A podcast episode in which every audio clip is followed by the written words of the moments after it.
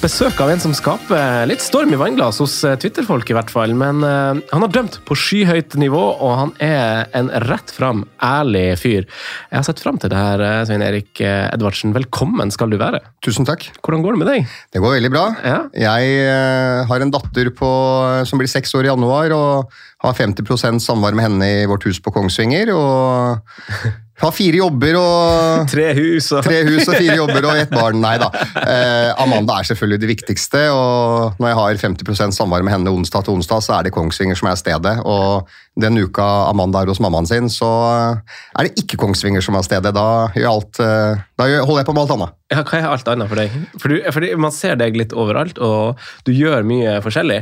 Eh, så Jeg er bare litt nysgjerrig. Hva, hva, er det du gjør i dag? For Folk kjenner deg jo som, som dommer, men så sier du nå at du gjør alt annet? Ja, nei, jeg, har, eh, jeg driver mitt eget uh, enkeltpersonsforetak, og så har jeg fire jobber, skråstrek fire oppdragsgivere, da, vi kan kalle det hva du vil. Mm. Uh, jeg er dommerekspert for Nordic Bet, som er en del av Betson Group. Det har jeg vært siden 2019. Mm. Jeg er partner og styremedlem i et selskap som heter Artist og Event. Det er et av landets aller største eventselskap når det gjelder innhold. Der har jeg vært siden 2018. Så jeg er daglig leder i et grafisk hus et salgsselskap eh, underlagt et grafisk hus som heter XID. Okay. Så da har jeg ansvar for en 10-12 provisjonsselgere pluss å selge litt selv. Og alt du kan tenke deg med logo på, leverer jo XID, og de har jo en, eh, ja, en maskinpark på, til en verdi av 100 millioner kroner på Lørenskog i Haraldsvei. Så uansett hva du trenger logo på, mm. så kan XID levere det. Og det fjerde er jo at jeg er jo fortsatt uh, rådgiver for Sirkus Agora. Min gode venn Jan Kjetil Smørdal. Okay. Så jeg skriver, alle, jeg skriver, alle, kontrakter for de artistene som Smørdal skal engasjere til sirkussesongen. er det sant? ja. Smørdal er uh, Norges beste sirkusdirektør, men han har fortsatt litt sånn filofaks og kulepenn, så da er det greit jeg har PC og skriver kontraktene. det, det, du smører ikke på når du sier du gjør litt av alt i den uka der. Absolutt. For det, for det... Nei, så det er Eh, det er mine fire oppdrag, skråstrek fire jobber. Det er det som er inntekten eh, som forsørger meg og Amanda. Og jeg jobber jo selvfølgelig når jeg har Amanda. Altså. Hun er jo i barnehagen fra åtte til fire, men da har jeg hjemmekontor på Kongsvinger. og de ukene jeg ikke har Amanda, så besøker jeg de ulike kontorene. Mm. Men, eh, men, men Nordic Bet, fordi du er jo for mange lyttere av denne podkasten her, er nok også på Twitter og kjenner deg veldig godt derfra. Er det en del av jobben din? Det er bare jeg som pleier nysgjerrigheten min nå. og å tweete og, og, mene litt om diverse situasjoner. Er det innbakt i NordicBet-avtale? Absolutt. Ja. Eh, nå er jeg engasjert som Det er jo det fjerde året nå Eh, som han er engasjert som dommerekspert for Nordic Bet. og da, da, er min jobb å skrive dommeranalyser eh, fra samtlige kamper i Eliteserien, først og fremst. Mm.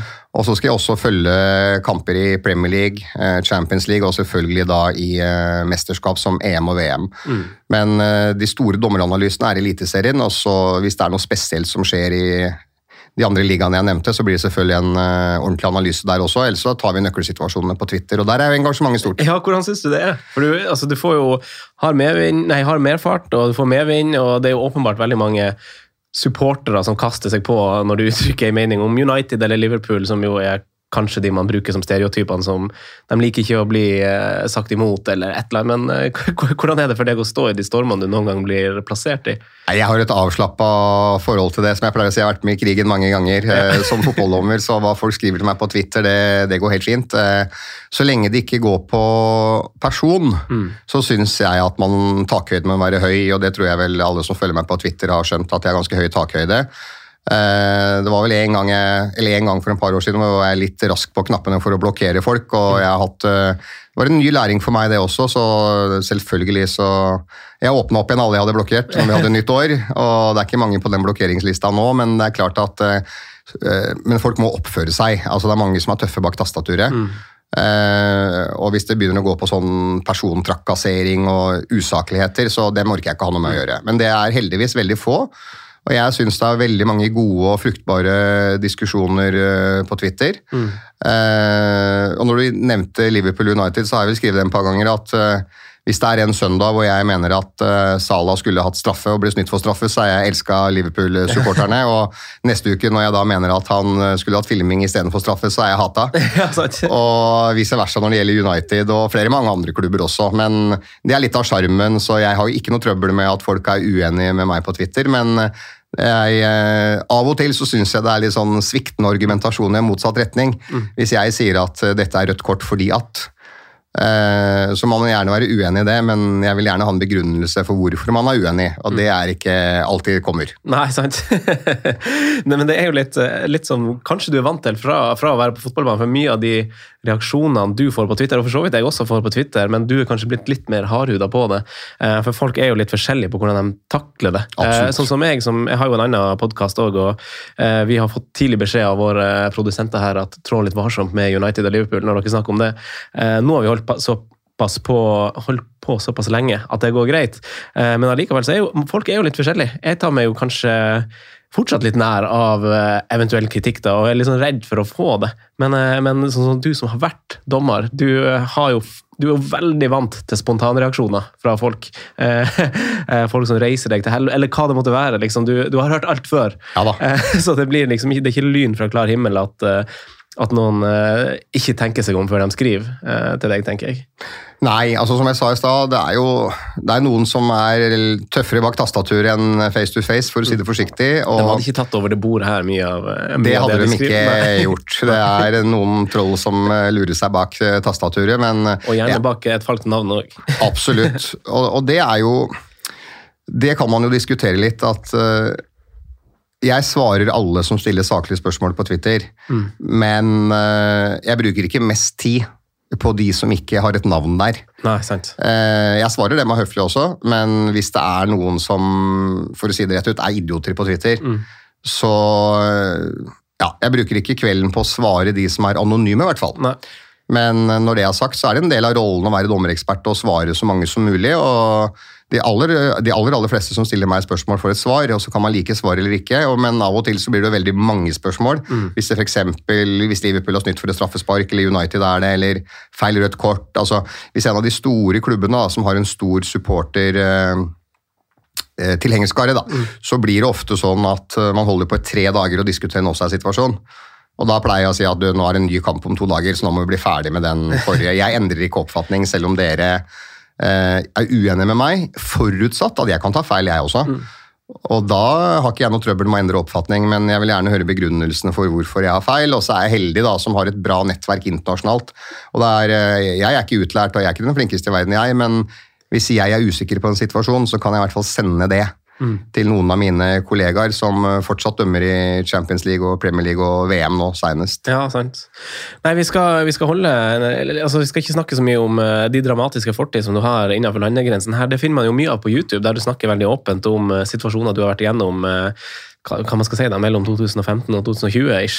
Eh, men det, hva, hvor er det man finner det hvis man vil playe Nei, altså Hvis vi snakker om eh, konflikten med NFF, så starta jo den i mars 2017. Ja. Og så ble det inngått et forlik i eh, mai 2017 og et nytt forlik i juni 2018. Og så eh, betalte egentlig NFF seg ut av eh, en rettssak som vi hadde både stevna og varsla.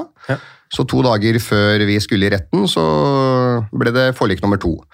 Og i etterkant av de forlikene så har det vært noen saker med en Ja, jeg sto fram med noen meldinger jeg, da, jeg har fått fra noen dommere i forhold til hvor jeg har mottatt noen meldinger av rasistisk karakter. Og så klagde vi dem inn til Datatilsynet, hvor Datatilsynet felte NFF. Så, men det er på en måte det tidligere regimet med Terje Svendsen og Pål Bjerketvedt som president og generalsekretær som leda den maktarrogansen mot meg, sånn jeg oppfatta det. Og nå er det et nytt regime med Lise Klavenes og Karl Petter Løken, og jeg oppfatter at uh, dem er veldig bra for norsk fotball. Ja, ikke sant. Da lar vi den, lar vi den ligge død der. Du, eh, vi skal snakke altså en ting jeg har veldig lyst til å snakke om i dag, som, er, som jo er i aller høyeste grad udramatisk, er jo egentlig eh, Det blir jo en del av hoveddelen, og den vanlige spalten jeg alltid har som en eh, topp fire-spalte, eller en punktlig fire-spalte. Det trenger ikke være en topp fire, Eh, men jeg vil jo gjerne høre de klargjøring av, visse regler, fordi eh, det er jo blitt såpass komplekst, og det, det kan jo også gjenspeiles i responsen du får på når du melder på Twitter. ikke sant, At situasjoner kan tolke altså, Det er ikke så lett å bare si hva som er frispark, hva som er gult kort, rødt kort osv. lenger. Så jeg skal ha noen, noen ting jeg trenger å få litt sånn klargjort. Uh, og så har jeg også Jeg jobber jo litt i, i breddefotballen sjøl, og uh, vi har jo noen utakknemlige yrker her i verden, altså parkeringsvakt uh, osv. Men, men, eller, eller dem som samler boter på, på ruter og sånn. Men dommere er jo ikke alltid et, altså Det er ikke alltid en takknemlig jobb å, å være dommer, så jeg lurer litt på hvordan Eh, og så Senest da vi arrangerte en cup i, i sommer, så, så, har vi unge dommere. Vi er tidlig ute og varsler at vi har unge egne dommere som er uerfarne, de skal, skal dømme. Eh, og så får vi en situasjon hvor en veldig ung dommer blir uh, hudfletta for, uh, for en uh, avgjørelse som Av en far, da, som står på sidelinja. jeg bare lurer liksom på sånn rekruttering av nye Det må jo være vanskelig når folk rundt dem ikke oppfører seg. Og, og hvordan, hvordan, fungerer en sånn eh, prosess? Hvordan, hvem, hvem, vil være dommer? Nei, altså For å ta meg selv som eksempel, da, som jeg kjenner best nok til. Det var at jeg spilte jo på gutter 13-laget til Storhamar i fotball. Og så var det sånn, som du sier da, det skulle være en cup, en turnering, som heter Maxi-turneringen på Hamar. De er gode å kjøre cup på Hamar. De er gode til å kjøre cuper på Hamar. Var kanskje litt for flinke der nå, men eh, det er cuper hver uke. Men, eh, men, aktiviteten er bra, så Storhamar fotball gjør en fantastisk jobb der, altså. Men uh, tilbake igjen i uh, 1993-1994 så var det også Maxi-turnering i fotball, og da skulle hele vårt lag ta dommerkurs, og det gjorde vi. Og da var det dommerlegenden Henry Øberg som leda det kurset da vi var 14 år. Og da skulle vi dømme syv- og åtteåringer den helga. Og det er klart at Når du dømte 20 kamper i løpet av eh, lørdag og søndag og tjente en par tusen kroner, så var det sykt, sykt mye penger ja. for uh, eh, 14 år gamle Svein Erik Edvardsen i 1993. ja. Det var jævla mye penger, altså, for å si det rett ut. Uh, så det var egentlig pengene som gjorde at jeg valgte å fortsette å dømme. Ja. Så skal det jo sies at jeg hadde aldri blitt på Ronaldo og Messi-nivå, jeg heller, men jeg rakk jo verken å bli eh, raka eller bli proff, men jeg hadde ikke blitt proff, altså. Mm. Så, eh, men vi spilte fotball på Hamar og hadde det gøy, en fin kameratgjeng. og så Til slutt så begynte vi å dømme alle sammen, og så var det noen som valgte å spille, og noen valgte å dømme, og jeg valgte å dømme. Så eh, Det er jo ofte sånn at eh, når man skal rekruttere unge nye dommere, så er det ofte at det er et 14-årslag, 15-årslag som tar et klubbdommerkurs, og så dømmer man kamper eh, lokalt i sin klubb i aldersbestemte klasser, og selvfølgelig de cupene og turneringene som måtte komme. Og jeg har vært så heldig at jeg har fått vært med og vært dommerveileder på Norway Cup i over ti år. Mm. Hvor jeg har fulgt unge dommertalenter som skal dømme verdens største fotballturnering. Og Der kommer jo de eksemplene du nevnte nå. Og Norway Cup er litt spesielt, fordi at der er det jo spillere og foreldre fra forskjellige nasjoner. Det er gutter og jenter eh, osv. Og, så og det er klart at uten unntak de ti årene jeg har vært der, så er det mandag, tirsdag, onsdag. Da er det fargerikt fellesskap. Alle klemmer hverandre, alle danser, alle har det gøy. Så kommer torsdagen, unnskyld uttrykket, jeg vet jeg kan si det på en podkast, det har blitt helvete på en torsdag. For da, det, da, blir det sånn at noen skal reise hjem, noen skal til A-sluttspill, noen skal til B-sluttspill. Og hvem får skylda da? Det er de unge dommerne, naturligvis. Og da har vi eksempler hvor det er rett og slett gale trenere, gale foreldre, gale lagledere. Som liksom bare mister det fullstendig og evner ikke å se at det er en jente eller en gutt på 14-15 år som står og dømmer den kampen. Og jeg har alltid sagt at breddedommerne må aldri kritiseres. fordi at da kommer det til å ende med at uh, folk vil ikke være dommere, som du er inne på. Og etter korona nå så har jo frafallet vært enormt. Mm. Så det er jo dommerkrise i flere kretser. Av de 18 fotballkretsene så er det dommerkrise flere steder. Uh, nå skal ikke gale foreldre og trenere og lagledere få skylda for korona. Men uh, frafallet ble veldig stort pga. Uh, pandemien. Men det er klart at det bidrar jo ikke til økt rekruttering og økt ivaretagelse når du har gærne voksne folk på sidelinja der som hudfletter unge dommere. Jeg er, alltid, jeg er mange som har sagt det til meg, ja, når du holder på, når du slakter en dommer i Premier League, da ødelegger du for dommerrekruttering av Norge. Det er ikke jeg helt enig i, fordi at i, altså, toppdommerne, uansett nasjon, må tåle å få lyskasteren på seg. Dem er profesjonelle. Dem må tåle hyllest, dem må tåle ros. Og jeg tror ikke det er en 14 år gammel uh, dommer i Asker som ikke vil dømme mer fordi at jeg skriver at Michael Oliver var dårlig da han uh, eh, mista et rødt kort på Harry Kane. Det, det, tror jeg ikke. Så jeg mener fortsatt at toppdommerne må tåle ris og ros. Det har jeg selv levd med i, i 15 år. Eh, men nåde dem som kritiserer eh, breddedommerne. Mm. Jeg har vært på flere kamper jeg senest i år hvor jeg har gått bort til flere voksne og sagt at hallo, hva er det du holder på med egentlig? Ja, han dommeren som er her ute, han er 14 år, han gjør feil, jeg ser det. Men øh, han gjør så godt han kan, og hvis han ikke hadde vært der, så hadde det ikke vært noe kamp, faktisk. Nei. Da hadde en av dere dømt i olabukse, og da hadde det ikke blitt særlig mye bedre. Nei, Nei altså det, det, er et veldig godt poeng, og jeg tenker litt som, eh, som du eh, antyder også, at man, når kritikken sitter så løs, så bør jaggu med rosen gjøre det også. Og, og, jeg føler at med, med unge dommere, så altså det er veldig lett lett å, å, huske det negative. og Det kan man også tenke på med kritikk som vi får som eh, innholdsprodusenter. sånn at, man, at rosen eh, glemmes litt bort, og så husker man kritikken. Men jeg tror også det kan fungere veldig motsatt i et sånt tilfelle. At du får et uh, klapp på skuldra etter en kamp, og du går bort til en ung dommer. og Det blir på en måte en slags sånn beskjed til foreldre som hører på, eller framtidige foreldre, eller det måtte være, at gi den dommeren en klapp på skuldra og ros en god innsats og en god kamp. Nesten litt sånn uavhengig av prestasjonen. og bare bare for å verdsette jobben som gjøres. Absolutt, og jeg veit jo alt om det. Jeg husker selv jeg når jeg var 14-15 år, det kom bort en lagleder og sa 'veldig bra dømt', mm. så ble du jo motivert til å fortsette å dømme. Sant. Så det skaper en, en, positiv tilbakemelding fra en voksen person til en ung uh, gutt eller jente som er dommer. Det, det anbefales absolutt uh, Altså jeg vil absolutt anbefale de voksne å gjøre det, fordi at det skaper motivasjon. Det gjør at uh, dommerne syns det er gøy å dømme. Det medfører at de fortsetter å dømme. Og det er jo alltid sånn at Noen av de man ser i breddefotballen i dag, er forhåpentligvis eliteseriedommere og Fifa-dommere om uh, en del år. Nettopp.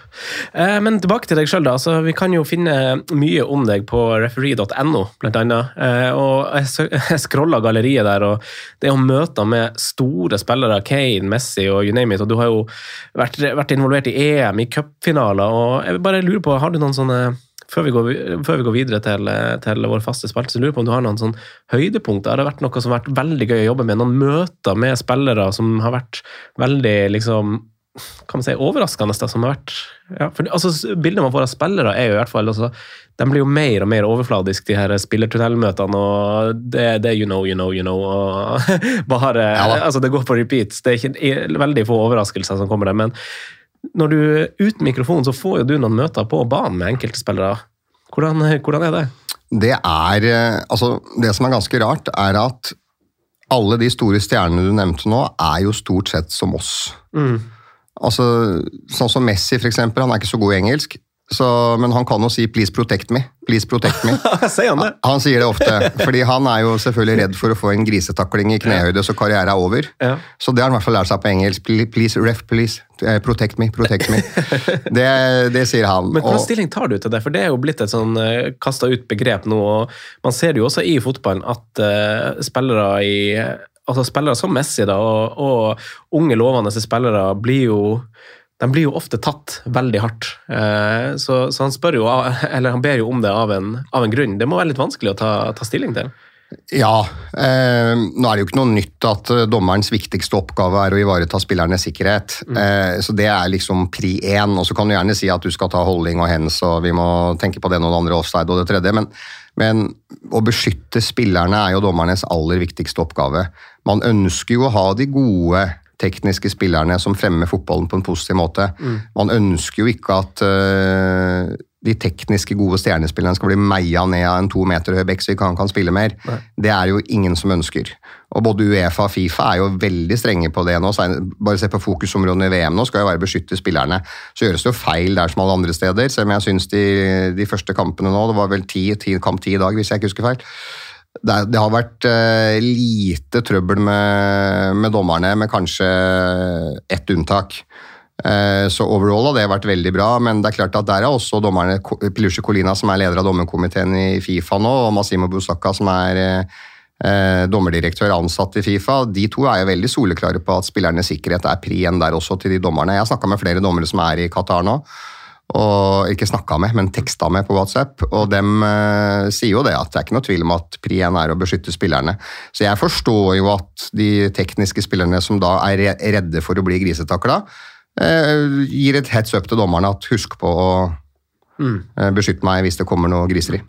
Nå var det jeg som eh, var litt, sendte deg litt på avveie med, ut fra eget spørsmål. For utgangspunktet mitt, jeg hadde lyst til hva er din høydepunkt? Eh, ja. Om det er møter eller Nei, vet du hva? Mitt høydepunkt det... som fotballdommer er cupfinalen i 2011. Okay, da dømte jeg Brann Ålesund. Og halve Ullevål stadion var jeg, var, jeg var 33 år. Eh, halve Ullevål stadion var jeg tapetsert i rødt, mm. og den andre halvparten var tapetsert i oransje. Uh, og Jeg husker når vi gikk ut på Ullevål stadion på cupfinalen der, og så stiller du deg opp, selvfølgelig. Og så vi jo, hadde vi jo headset, som alltid, vi dommerne. Og når du står på Ullevål der, og Sinsen spiller 'Ja, vi elsker' bak deg, og du står og ser på kongen liksom foran deg, Så da bare husker jeg jeg sa til de der gutta på linja at i dag eh, finner vi ikke på noe nytt, liksom. Det er ikke i dag, er ikke i dag kampen for eksperimenter er. I dag eh, blåser vi det alle ser, og så gjør vi ikke noe mer enn det, liksom.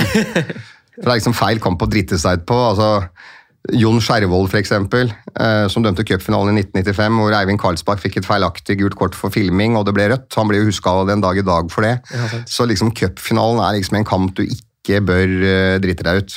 Det er, eh, altså, det er som Henry Øberg sa til meg, du skal, når du dømmer, skal alle dømme dårlig sammen, sørg for å gjøre det i fellesferien i Haugesund. I juli i Haugesund, så ingen husker det. Ikke gjør det i cupfinalen eller i Champions League eller Europa League. Så, eh, men, men det er klart at uh, høydepunktet mitt var cupfinalen. Altså, det var en helt syk atmosfære, og det var fullt hus og to fargerike lag. og Ålesund vant 2-1. Barante skåra vel begge. Oh, ja. Og dommeren var ikke i fokus, og ingen husker dommeren. Og det var veldig deilig på den banketten etterpå, hvor du er med begge lagene. ja, nettopp. Det er ikke noe hyggelig å være der hvis det ene laget føler seg snytt, f.eks. Det blir ikke like gøy å stå i bløtkakekø da. Men Så, øh, men nei, så høydepunktet var absolutt det. Ja, det, det må jeg si. Det var eh, veldig hyggelig å høre at du har et eh, altså nasjonalt, eller lokalt eh, høydepunkt som, som minner fra en ei lang karriere. Ja, det er, det, største, det er større enn å ha vært med på Camp Nou og Santiago Bernabeu og Old Trafford. Og, Mhm. altså det hører, men den der stemninga med cupfinalen, å stå der ute og se rundt deg og sånn, det var jo liksom Du er inne i en boble som jeg aldri har vært før. Du, Vi skal videre i programmet, og jeg gleder meg til å få, få klargjøring i, i et par regler. og Jeg har skrevet liksom med anførselstegn føringer. Eh, og tenkte kanskje, Vi, vi har kanskje, vi kommer sikkert på noen eksempel eh, som jeg kommer til å kaste på deg. for, eh, for å kanskje ikke, Det er noen ting som er vanskelig å løse uten at man ser det, åpenbart, men vi gjør et forsøk. Ja. Da er vi tilbake på eh, vår faste spalte som heter eh, Topp fire. Eh, denne blir eh, kan kalle det punkt, fire punkter denne gangen, kanskje. Klargjøring og regler og føringer. Eh, du, det første jeg har inkludert her, Svein Erik, er VAR. Åpenbart. Eh, og, og vi kan jo, kan jo diskutere det veldig mye og fram og tilbake, og sånn, men eh, jeg følger jo engelsk fotball ganske tett. Eh, og føler at det ikke fungerer så veldig bra der. Eh, og at eh, det virker litt sånn dårlig testa før de liksom tok det i bruk. Eh, og så lurer jeg litt på hvordan det fungerer i andre land. og hva er dine standpunkt, eller ditt standpunkt rundt det, og erfaringer med det? Nei, jeg kan jo si det at for det første så skal jo VAR være et supplement til dommerteamet, slik at eh, de kritiske avgjørelsene blir korrekte. Det er liksom hele poenget med VAR. Og VAR har jo ingen annen myndighet enn å anbefale dommeren å se situasjonen en gang til når vi snakker skjønnsmessige avgjørelser. Når det gjelder faktasituasjoner, så trenger dommeren ikke å se den selv. Da får han beskjed på øret, f.eks. offside. Ja, jeg skal akkurat spørre Og f.eks. innafor og utafor. Ja. Var det straffe eller var det frispark? Altså Dommeren trenger ikke å løpe ut for å se at det var innafor. Det får han beskjed på øret. Ja. Så liksom det som anses som faktasituasjoner, da står bare dommeren og holder fingeren til øret, og så blåser han og gjør eh, TV-tegnet, og så blåser han f.eks. offside Mm. hvis det ble mål, og så ble det annerledes på offside. Det har vi sett i VM flere ganger nå. Ja. Mens i alle de skjønnsmessige avgjørelsene, da må dommeren ta en tur ut og se på skjermen en gang selv, en gang til selv, og så kommer han ut, og da har han to alternativer. Gjøre om sin avgjørelse, eller stå fast ved sin avgjørelse. Og så ser vi jo alltid at i 9,9 av 10 tilfeller så gjør dommeren om sin avgjørelse når han går ut.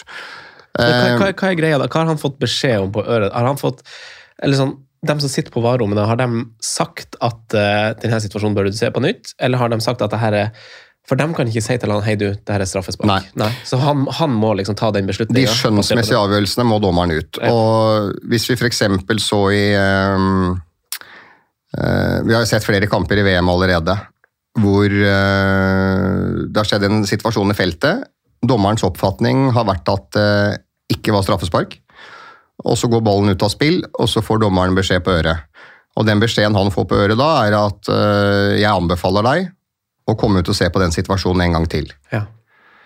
Og da, går dommeren, eller, da løper dommeren ut, og så ser han den en gang til, og så konkluderer dommeren. Så eneste VAR kan gjøre i skjønnsmessige avgjørelser, det er å anbefale dommeren en såkalt on fill review, altså OFR, hvor dommeren da går ut og ser, og så kommer han tilbake og tar avgjørelsen.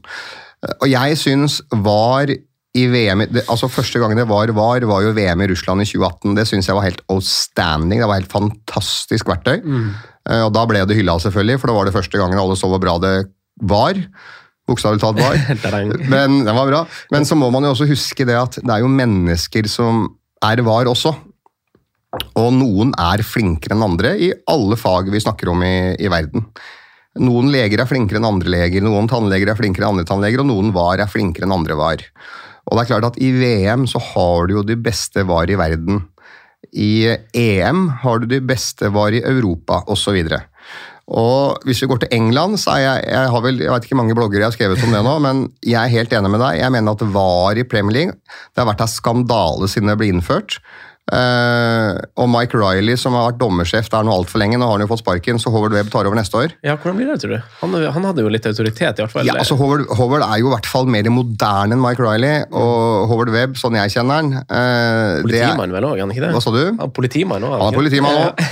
Og sånn jeg kjenner han, han var jo Englands beste dommer og dømte VM-finalen i 2010 eh, i Sør-Afrika, selv om den finalen i seg selv gikk jo ikke bra. Men det var vel ti røde Nei, ikke ti røde. Det hadde vært mye. Ti gule og ett rødt, var det vel? Ja. Mellom eh, Spania og Nederland, hvis jeg ikke husker feil. Oh, ja, ja. Uh, og uh, Så han var ikke noe god prestasjon da, men han er en hel ved, og han, han følger jo Jeg ble veldig overraska hvis Webb ikke ville følge anbefalingene fra Fifa og Uefa, for problemet var jo at Mike Riley skulle finne opp kruttet på nytt. Okay, han, skulle lage en, han, skulle, han skulle ha en egen vareprotokoll i Premier League, blant annet at dommeren skulle jo ikke gå ut og se hvis han fikk beskjed. Og det gikk jo fullstendig feil. Mm. Og så så jo selvfølgelig Colina, som var dommersjef i Fifa, at dette funker jo ikke i England i det hele tatt. Nei. For det funker i andre land? Ja, altså både altså, funker og funker. Det, jo, det, gjøres jo feil i alle land, men er, altså, hvis du ser på Italia og Tyskland, da, for eksempel, og, og, Spania for den del, hvis du ser på de tre store der, Italia, Spania Tyskland, så er det jo ikke i nærheten av å være så mye rør når det gjelder VAR, som det er i Premier League. Nei. Og Det hang først sammen med at Mike Riley skulle ha en egen VAR-protokoll. og Jeg snakker jo med to-tre dommere som dømmer i Premier League, og som er i Champions League. Og Det er jo fryktelig vanskelig for dem å ha én protokoll å forholde seg til når du dømmer hjemme i Premier League, og så skal du dømme Champions League uka etter, så er det liksom en annen protokoll. Ja. Og ikke minst for VAR, som også opererer på begge arenaer, så det er helt håpløst. Men nå har jo siste to årene, så rett skal være rett, de to siste årene nå, så har jo Premier League fulgt Fifas VAR-protokoll til punkt og prikke. Men til tross for det, så mener jo jeg at VAR i Premier League ikke funker som det skal.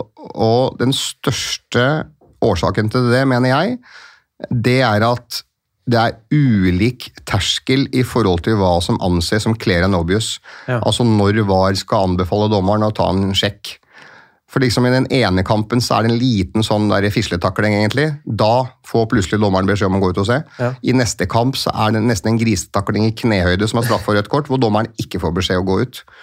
Og Jeg kan ikke, har ikke noe annet svar på det enn at det må være enkelte var i Premier League som ikke er i nærheten av å være godt nok kvalifisert. Ja, for det, det, er jo det, det er der jeg føler skoen trykker på frustrasjon for folk. da, at ja. altså, jeg, jeg, som Arsenal-supporter, nå, nå, går det jo bra, da, men altså, det er veldig, veldig lett å se på dommeravgjørelser sånn når det går dårlig. Selvfølgelig. Og, eh, jeg føler jo at store deler av problemet har vært eh, at eh, jeg føler at det er inkonsekvent, og at liksom, det er ikke noe sånn stabilitet, litt som du antyder. da, sånn, eh, sånn det, det, blir tatt av hver den ene gangen, men ikke den neste. og at liksom, Det er ikke noe klar liste. og så og så Å, nå glemte jeg det andre. Men det er kanskje hovedsakelig det, da. At Ja, jeg mener i hvert fall at når lista Altså linja for hva altså Veldig enkelt sagt, da.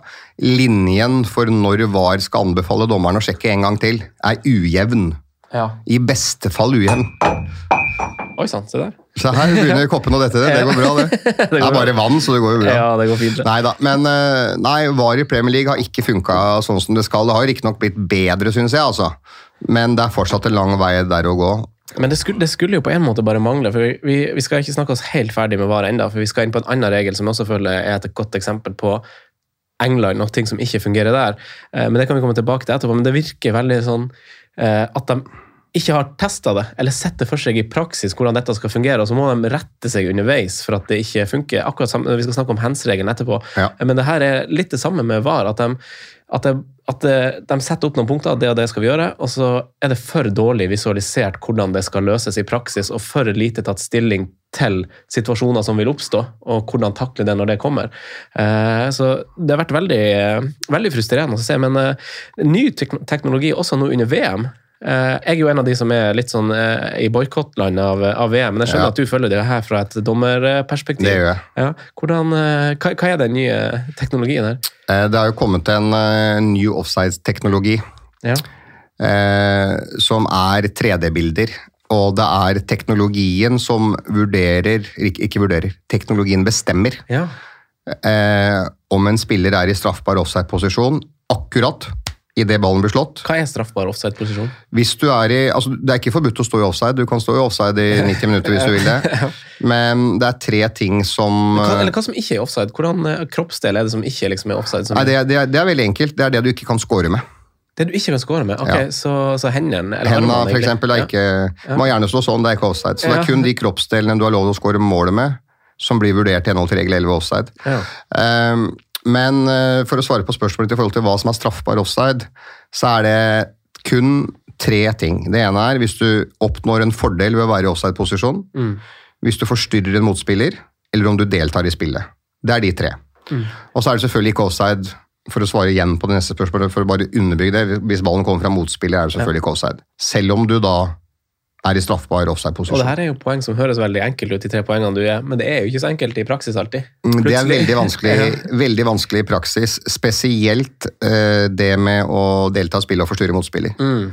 Hvis du oppnår fordel av det, det den klarer de det, det er ingen dommere i VM som bommer på om en spiller oppnår fordel av sin offside-posisjon.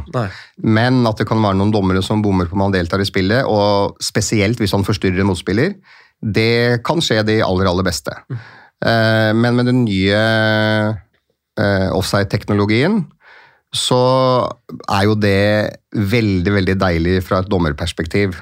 Akkurat som mållinjeteknologi. Er ballen inne, er ballen ikke inne? Er, er den i straffbar offside, er den ikke straffbar offside? Fordi eh, det krever jo også, uansett om det er VAR eller om det er en assistentdommer, så skal du jo da fryse bildet idet ballen blir slått. Mm. Akkurat idet ballen blir slått. Og de som setter streker på TV, dem er jo ikke i nærheten noen ganger. Så, eh, fordi at da blir jo streka ofte satt etter at ballen har slått, og noen ganger før ballen har slått. Og her er det jo snakk om 0,0 et eller annet sekund, sant? Nettopp. som er veldig avgjørende. Nettopp. Ja.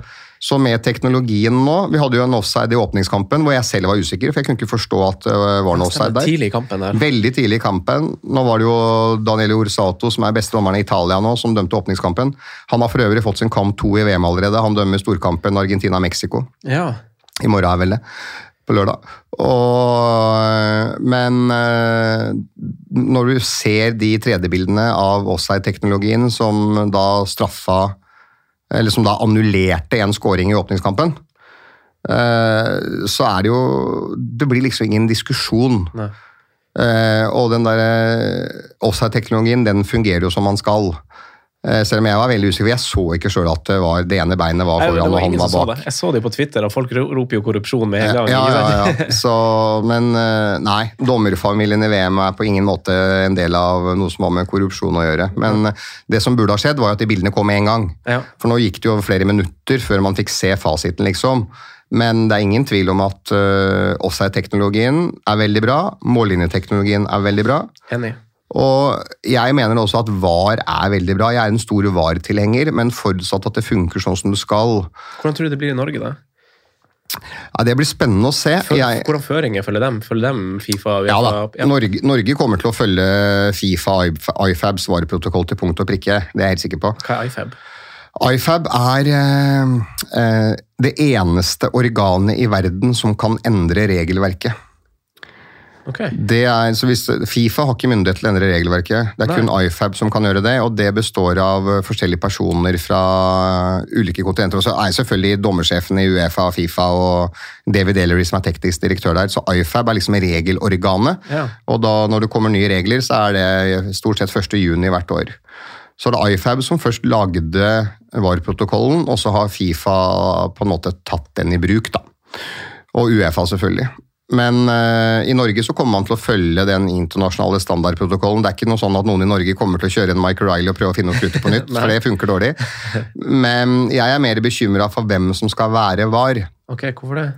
Fordi at uh, jeg mener at det er ikke mange nok som er kvalifisert. Det var mitt neste spørsmål, skjønner du. For det, det blir jo veldig mange roller å skal fylle i et, Ja. et gåsehud elite fotball-Norge.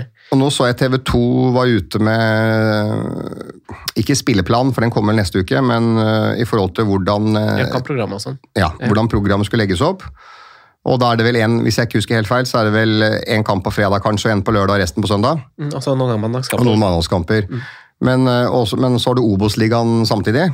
De skal også ha VAR. Eh, Nei, Nei. Obos-ligaen skal ikke ha VAR. Nei, okay. Men jeg er ganske sikker på at noen av Obos-ligadommerne må brukes som VAR. Ah. Og da, hvis et dommerteam nå da skal bestå av seks personer, altså du har hoveddommer, to assistentdommere, en fjerdedommer og to VAR, så blir det seks personer. Ja. Og så er, skal, er det jo bygd et VAR-senter i, i Oslo nå. Så det er ikke sånn at det er VAR på ulike stadionene. Alle sitter, alt, alt av VAR sitter på samme senter og kommuniserer med de ulike arenaene. Men jeg tror det kan fort bli en mannskapsutfordring, både når det gjelder antall folk, og ikke minst kompetansen til dem.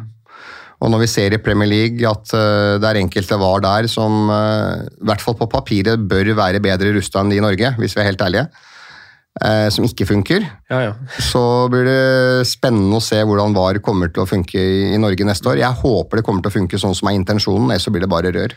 Ja, man håper jo at man har eh, altså, når, ja, Som du sier, da, at når man først eh, implementerer det, at det funker, og man ser av andre sine feil og lærer av det. Eh, For det er jo en skandale, som, som vi har snakka litt om, at altså, verdens største fotballprodukt, Premier League, liksom ikke får det til. Ja. Men, men det siste spørsmålet for å, av, for å avslutte var, og kanskje også den teknologiveien som dommerjobben virker For man føler jo kanskje noen ganger når man ser på fotball, at eh, kanskje dommere kanskje litt ufrivillig lener seg litt på VAR. Og at noen avgjørelser ikke tas fordi de eh, kanskje ser at det skjer. Hvor, hvor tror du dommerjobben er på vei om noen år, når du ser eh, hvor mye hjelp de får, og, og den pakken der, da? Det er et godt spørsmål, og jeg har fått det spørsmålet flere ganger på Twitter. og Én ting er jeg i hvert fall helt, helt sikker på. De dommerne som dømmer i Champions League og i EM og VM og Europa League, dem lener seg ikke på VAR. Nei. Så kan det gjerne hende at det ser sånn ut og folk tror det og sånn, men det veit jeg 100% De dommerne i de ligaene som jeg nevnte nå, de konkurransene, altså Champions League, Europa League og eh, VM og EM, fordi det som nemlig er poenget her, er at alle dommerne får en veilederrapport etter en kamp. Hva inneholder den? I gamle dager så het det gransker, så ble det sensor, og så ble det observatør, og så ble det veileder. Så det har gått i rett retning her. Det er en eh, dommerveileder som sitter på tribuna Ja. og vurderer dommeren fra alt han gjør. Hvordan han løper, hvordan han peker, lederegenskaper, bevegelse, plassering, disiplin og kontroll, spilleforståelse, regelkunnskap, altså alt. ja, sånn Og så er jo nøkkelsituasjonene det viktigste, selvfølgelig. Å bomme på et innkast midt på banen går bra, ja. men å bomme på et straffespark etter rødt er ikke like bra. Nei, litt sånn sunn fornuft eh, Ja. brukt i det hele. Ja. Uh, men uh, så Og hvis en dommer trenger hjelp av VAR, så får han naturligvis en mye dårligere karakter på sin veilederrapport oh ja, såpass. enn hvis han ikke hadde hatt behov for VAR. Ja, okay. Og det er derfor jeg sier det at hvis noen sier til meg at ah, herregud, han dommeren har venta bare på VAR, han, så bare tenker jeg hallo, jeg skjønner at ikke har satt, alle, alle kan ikke kunne det, alle kan ikke sette seg inn i det faget, det skjønner jeg. Men hvis det er noen som tror at det er noen dommere i VM som lener seg på VAR, så tar man 100 feil. Ja. Fordi desto, fler, desto mer hjelp du må ha av VAR, desto fortere får du flybillett hjem av Colina. Ja, han er nådeløs. Han er nådeløs. Så, og, og som jeg sa i stad, VAR skal jo være et supplement. Og hvis dommeren er kjempegod, så trenger ikke han hjelp fra VAR. Nei. Hva syns du om, eh, om Si si ti år, da. Tror du fortsatt det er et supplement, eller tror du det er hoved... hoved uh, står for hoveddømminga blir gjort av teknologi, da? Og hva, hvordan stilling tar du til det, i hvert fall? Altså regler VS eh, det menneskelige sviktet som han vil oppleve av å ha en dommer? Jeg tror ikke vi kommer til å komme så mye lenger om ti år enn vi er i dag. Nei, fordi at uh, fotballens sjarm vil aldri bli borte. Nei. Produktet er liksom Fotballproduktet er verdens mest populære produkt. Nå er det vel i over en milliard TV-seere som sitter og ser på VM. Uh, til tross for at det spilles i Qatar, og så er det en diskusjon andre enn oss kan ta. Men, uh, men, men det er klart at det er eh, verdens mest populære produkt. Og de IFAB-gutta som jeg nevnte i stad, eh, som er det eneste organet som kan endre regelverket, eh, dem er ikke innovative, altså. Nei. De er svært konservative. Så jeg har ingen tro på at man kommer noe lenger om ti år enn Jeg, jeg tror både VAR, må, altså VAR, mållinjeteknologi, offside-teknologi Jeg tror alt det kan utvikles til å bli enda bedre og enda lettere og enda raskere. Men at det kommer noe teknologi som skal dømme innkast og frispark og sånn, det, ja, det tror jeg ikke noe på. Nei. Eh, vi beveger oss videre her jeg behøver litt klarhet. Eh, og har, Da skal vi tilbake til England. Eh, og det, det Kanskje litt generelt, men hands-regelen, som er, føles helt umulig å bli klok på eh, Nå har jeg ikke årstallene i hodet, men det var jo det var kanskje var det kanskje 2020-2021 at det var helt sånn bananas. Jeg husker, husker et par hands-situasjoner, annet hvor eh, Altså det, det dømtes i hvert fall hands over en lav sko i England, husker jeg. Hvordan, hvordan stilling tar du til den, til den regelen, og hvor, hvordan syns du den burde være håndhevet? For å ta bakgrunnen igjen først, da, når det gjelder Premier League, så lenge vi snakker om det, så er det jo igjen da Mike Riley som skulle lage en egen hands-tolkning i Premier League som ikke samsvarte med Fifa, Uefa og IFAB. Det var jo det første som skjedde. Så, så spillere som spilte i Premier League i England, måtte forholde seg til altså, Ikke at de gjør det i så stor grad, men de måtte forholde seg til én regel når de spilte Champions League, og én når de spilte Premier League. Det er riktig. For ikke snakke om, dommer, om dommerne. Ja, sant. så eh, Fordi at det som ble sagt da den nye hens-regelen ble innført, så før så var det jo at hvis du hadde hånda i unaturlig stilling, så var det hens. Okay, det het jo. Nettopp. Og så ble det tatt vekk. Mm. For man, altså Målet var jo å forenkle det. Og da ble teksten at hvis du gjør kroppen unaturlig større Ja. Altså det var kroppen, ikke hånda. Fordi at det endte jo med at noen eh, fløy med hendene på ryggen. Mm. Og det Ja. er jo i hvert fall ikke naturlig stilling. Nei. Og hvis ballen da blir skutt opp der, skal du dømme straffe da? Da hadde du i hvert fall ikke kommet hjem hvis du hadde gjort det. Så det er ingen som gjorde det, selvfølgelig. Men Men det var en så er, grei med inntil kroppen òg. Armene inntil kroppen, og da er det ikke hens. ja, det, det var jo samme greia. da, vet du. At hvis du hadde hendene ut fra, altså hvis du hadde en unaturlig stilling på hånda, så ble, ble det hens. Og hvis du hadde en naturlig stilling, naturlig unaturlig stilling. Ja, for Det der er et utrolig godt poeng. for så klart er jo, altså, Det har jeg aldri tenkt på, for du sa det nå. Og Det er jo åpenbart en mer unaturlig stilling å ha armene bak ryggen. Ja, ja. Når, du liksom, når, altså når du skal blokkere et innlegg. og de går... Det er jo et veldig godt, for De gjør det jo for å unngå hensen i, i det som blir vurdert som en unaturlig stilling. Sikkert når du står med armene veldig langt ut. Ja. Og så har du de der, som vi er tilbake til, på de her 0,0 sekundene hvor du kanskje bare gjør et eller annet med armen for å endre posisjon. Og så Før så var det jo også i forhold til avstand. Mhm. Det var et avstandselement. Er det kort avstand, Mm. så er det ikke hens. Er det lang avstand, så er det hens. Det var et soleklart kriterium før altså Dommerne vurderer jo det nå også, selv om ikke det er et soleklart kriterium som før. Men det er klart at hvis det er en som står Nå, nei, nå har vi ikke noen video her, men eh, hvis du står med hånda rett ut, da, Ja. og skuddet kommer fra 20 cm og vippes opp i armen, kontra at den skytes fra 10 meter, så er det jo forskjell på det. Og her kommer det et veldig viktig element inn nå, som er skudd mot mål. Det har vi jo sett i VM nå, at eh, det var vel for et par dager siden hvor det ble dømt eh, straffespark og gult kort. Fordi at eh, det var skudd mot mål. Og det var en helt riktig avgjørelse, men dommeren trengte hjelp av VAR for å se på den en gang til. Ja. Men uh, hovedelementet nå når det gjelder hens, er at hvis du gjør kroppen din unaturlig større, uh, så er det straffespark. Og da, det her er kun ei, da tar det kun ei, beslutning blir tas kun på bakgrunn av skjønn. da. At det her er ei unaturlig kroppsdel. Du gjør kroppen din større. så- da, men så har du også noe som heter unexpect og expect ball, da, som man sier. at liksom, kan du, for, kan du forvente at ballen kommer altså Hvis du hopper opp sånn, ja. så må du forvente Mm. at ballen kan treffe armen din. Ja. Og det må du ta ansvaret for. Mm. Men det er klart at hvis du, hvis du står og ser på egen keeper, mm. og, så kommer, og så står du sånn med henda Nå er det ingen som ser, da. Jeg skulle hatt video nå, så kunne jeg demonstrert dette her. Ja. Men hvis du står med henda litt ut, da, Mm. og så plutselig så smeller det i eh, albuen din bakfra. Det er jo ikke hens. Altså da, det var ikke forventa i det hele tatt. Du kunne ikke forvente at det var en ball som skulle treffe armen din når du ikke så ballen, hvis du skjønner. Nei, sant. For det, det var jo også et, et spørsmål. Altså, altså, si, si du står med ryggen til å få liksom, eh, får liksom, får liksom ballen i armen eller Ja. i handa. eller Ja. et eller annet. For det er jo... Nei, men Det er en sånn uh, uforventa ball, Ja. så det skal ikke være straffespark. Eh, Vi hadde en situasjon eh, Nå kan jo hende noen hører på denne episoden en gang i framtida, så kan, eh, kan beskrive den situasjonen litt. Men eh, i høst så spilte Arsenal mot Liverpool. Eh, og så har vi en situasjon med, med Gabriel i forsvaret til Arsenal som eh, Det blir vel til slutt ikke straffespark. Eh, og så eh, det, kanskje, kanskje det til og med var du som tvitra det, at, at årsaken til at uh, det ikke ble det, var at ballen uh, treffer spilleren først. Altså den treffer Gabriel i brystet, og så går den i armen hans. Er det, Nei, er det sånn at det ikke er hands? Når jeg vurderer på Twitter, så det er jo sånn at eh, du som Arsenal-supporter og dere andre supportere husker disse situasjonene. For meg så er det bare lag A og B. ja, ja, ja, så jeg husker ikke alle de situasjonene. Men det, før, i hvert fall, vi kan jo si det at før i fjor Mm. Så sto det det at dersom ballen går fra egen kroppsdel og i armen, Mm. så skal det ikke dømmes straffe. Ja. Men det har blitt endra. Okay. Det ble endra 1.6 i fjor. IFAB. IFAB. IFAB. Ja. Det ble endra 1.6 i fjor. Eh, det er tatt vekk fra regelverket. Jeg lurer på om det var den situasjonen hvor folk drev og henviste til meg at ja, men han kom jo fra egen Jeg, jeg vet ikke om vi snakker om samme, samme situasjon, Nei, men, men i hvert fall så var poenget at jeg husker at jeg konkluderte med at det var hens. Oh ja, okay, Ja, Men jeg veit ikke om vi snakker om samme situasjon. Nei. Men det var i hvert fall en situasjon i Premier League hvor det var masse bråk rundt. Hvor jeg skrev at dette her er straffespark. Mm. Ja, det er så vidt han kommer borti egen kropp, Mm. men når armen er sånn, nesten over hodet, Ja. da hjelper det ikke at han traff eget kne først og så oppi. Nei, sant.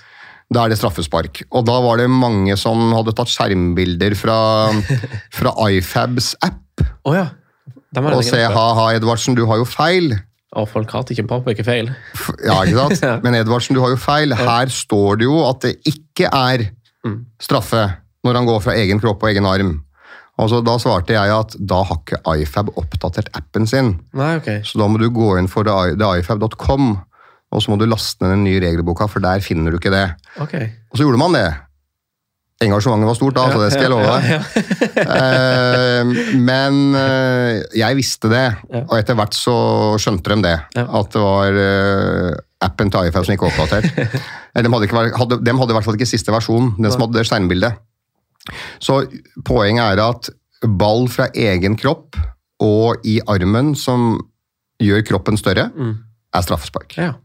Eh, en, eh, for å avslutte den, eh, har det noe å si hvor høyt eller lavt du har armen? Altså Det er jo noen som mener at liksom hvis du eh, eller tror hvis armen er på bakken eller under hofta, eller har det noe å si, eller? Nei, altså hvis du, hvis du har armen rett ned, Ja. så gjør du ikke kroppen unaturlig større. Nei. Hvis du har armen ut fra kroppen, Mm. gjør den unaturlig større. Og desto høyere opp den kommer, desto mer unaturlig blir jo den. Ja, sant. Så, men hens er vanskelig. Tror jeg, det tror jeg vi kommer til å diskutere om ti år også. Mm. Eh, men, men igjen, hvis, hvis alle lytterne i hvert fall tenker over det viktigste kriteriet, Mm. det er at hvis en spiller gjør kroppen sin unaturlig større, så er det hens. Ja. Og så kan vi like eller ikke like det, men det er i hvert fall det som gjelder PT. Ja. Eh, så har jeg to, eh, to punkt til. Eh, det her er kanskje ikke så masse å snakke om, men det er jo et som, som irriterer veldig mye, og kanskje er eh, den regelen som kanskje følges dårligst opp. Og det er sekssekundersregelen på, på keeperen som, som holder ballen.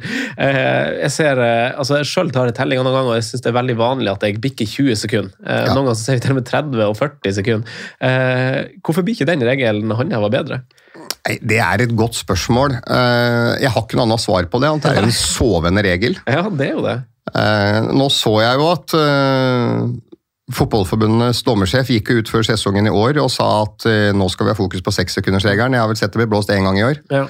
så noe voldsomt fokus ble det ikke. Men, men det er en sovende regel, og det er jo forskjell på regelverk og retningslinjer. Hvert år så kommer det retningslinjer, såkalte fokusområder.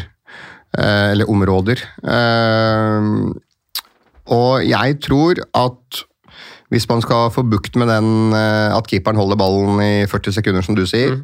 så må man begynne å iverksette og blåse indirekte frispark. Ja. Ikke, Det skjedde vel én gang i Eliteserien i år, men i internasjonale kamper kan jeg ikke huske siden EM 2000.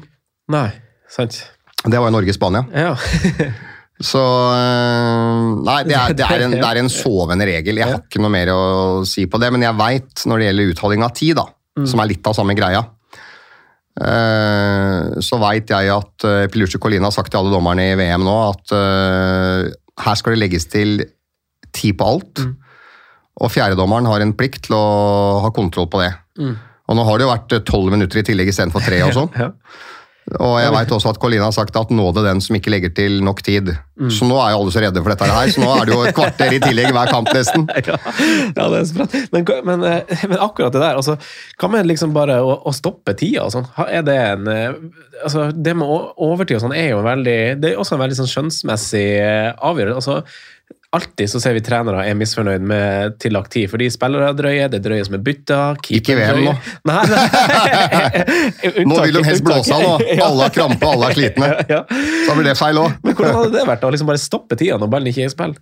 Jeg har jo dømt ishockey i ti år også, Ja, og der er det jo effektiv spilletid. Ja. Eh, Men det er to vidt forskjellige idretter, og jeg Tror du ikke det hadde funka i fotball. Nei, det har, det har jo vært testa i et ungdomsmesterskap hvor du hadde to ganger 30. Mm.